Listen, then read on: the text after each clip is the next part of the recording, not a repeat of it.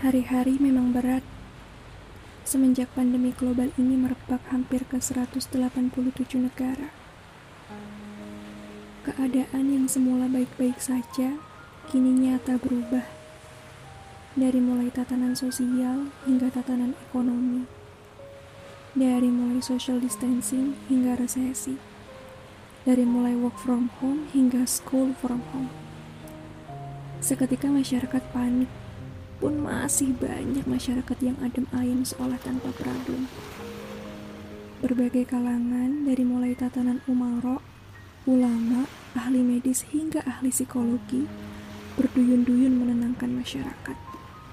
Tapi anehnya di tengah situasi yang amat genting seperti ini, kok ya ada oknum-oknum yang tetap tekad memecah belah umat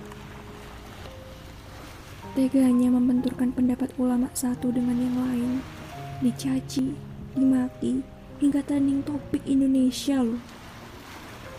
Tidak hanya itu, di tengah resesi yang melanda, banyak oknum-oknum yang sengaja melonjakkan harga. Kelangkaan masker dan hand sanitizer menjadi ladang subur bagi mereka yang tidak bertanggung jawab.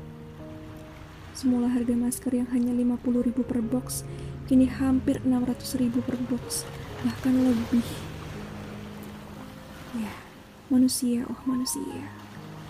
Di manakah hati lembutmu? Masihkah kau ingin serakah di tengah keadaan bumi yang sedang membuncah?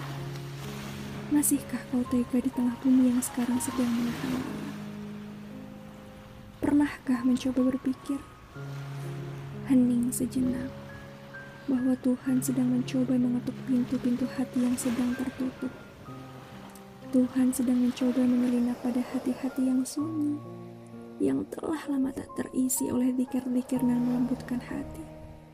Ya, mestinya kita, kita nih, diri ini, berintrospeksi diri, menjadi insan yang lebih baik dan berhati nurani.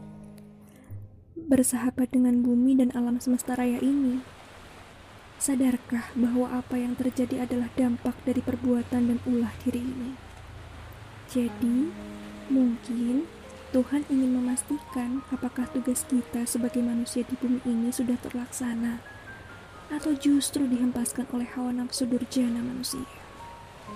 Entahlah, yang jelas Tuhan yang memberi dan Tuhan yang memberikan penawarnya. Tuhan yang berkehendak terhadap segala sesuatu yang terjadi di jagat raya ini.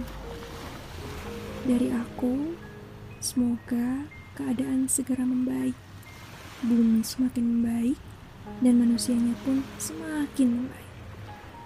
Semoga Tuhan dan kekasihnya senantiasa melindungi negeri ini. Cepat pulih ya negeriku. Cepat pulih Indonesiaku. Tangerang, 26 Maret 2020 Aku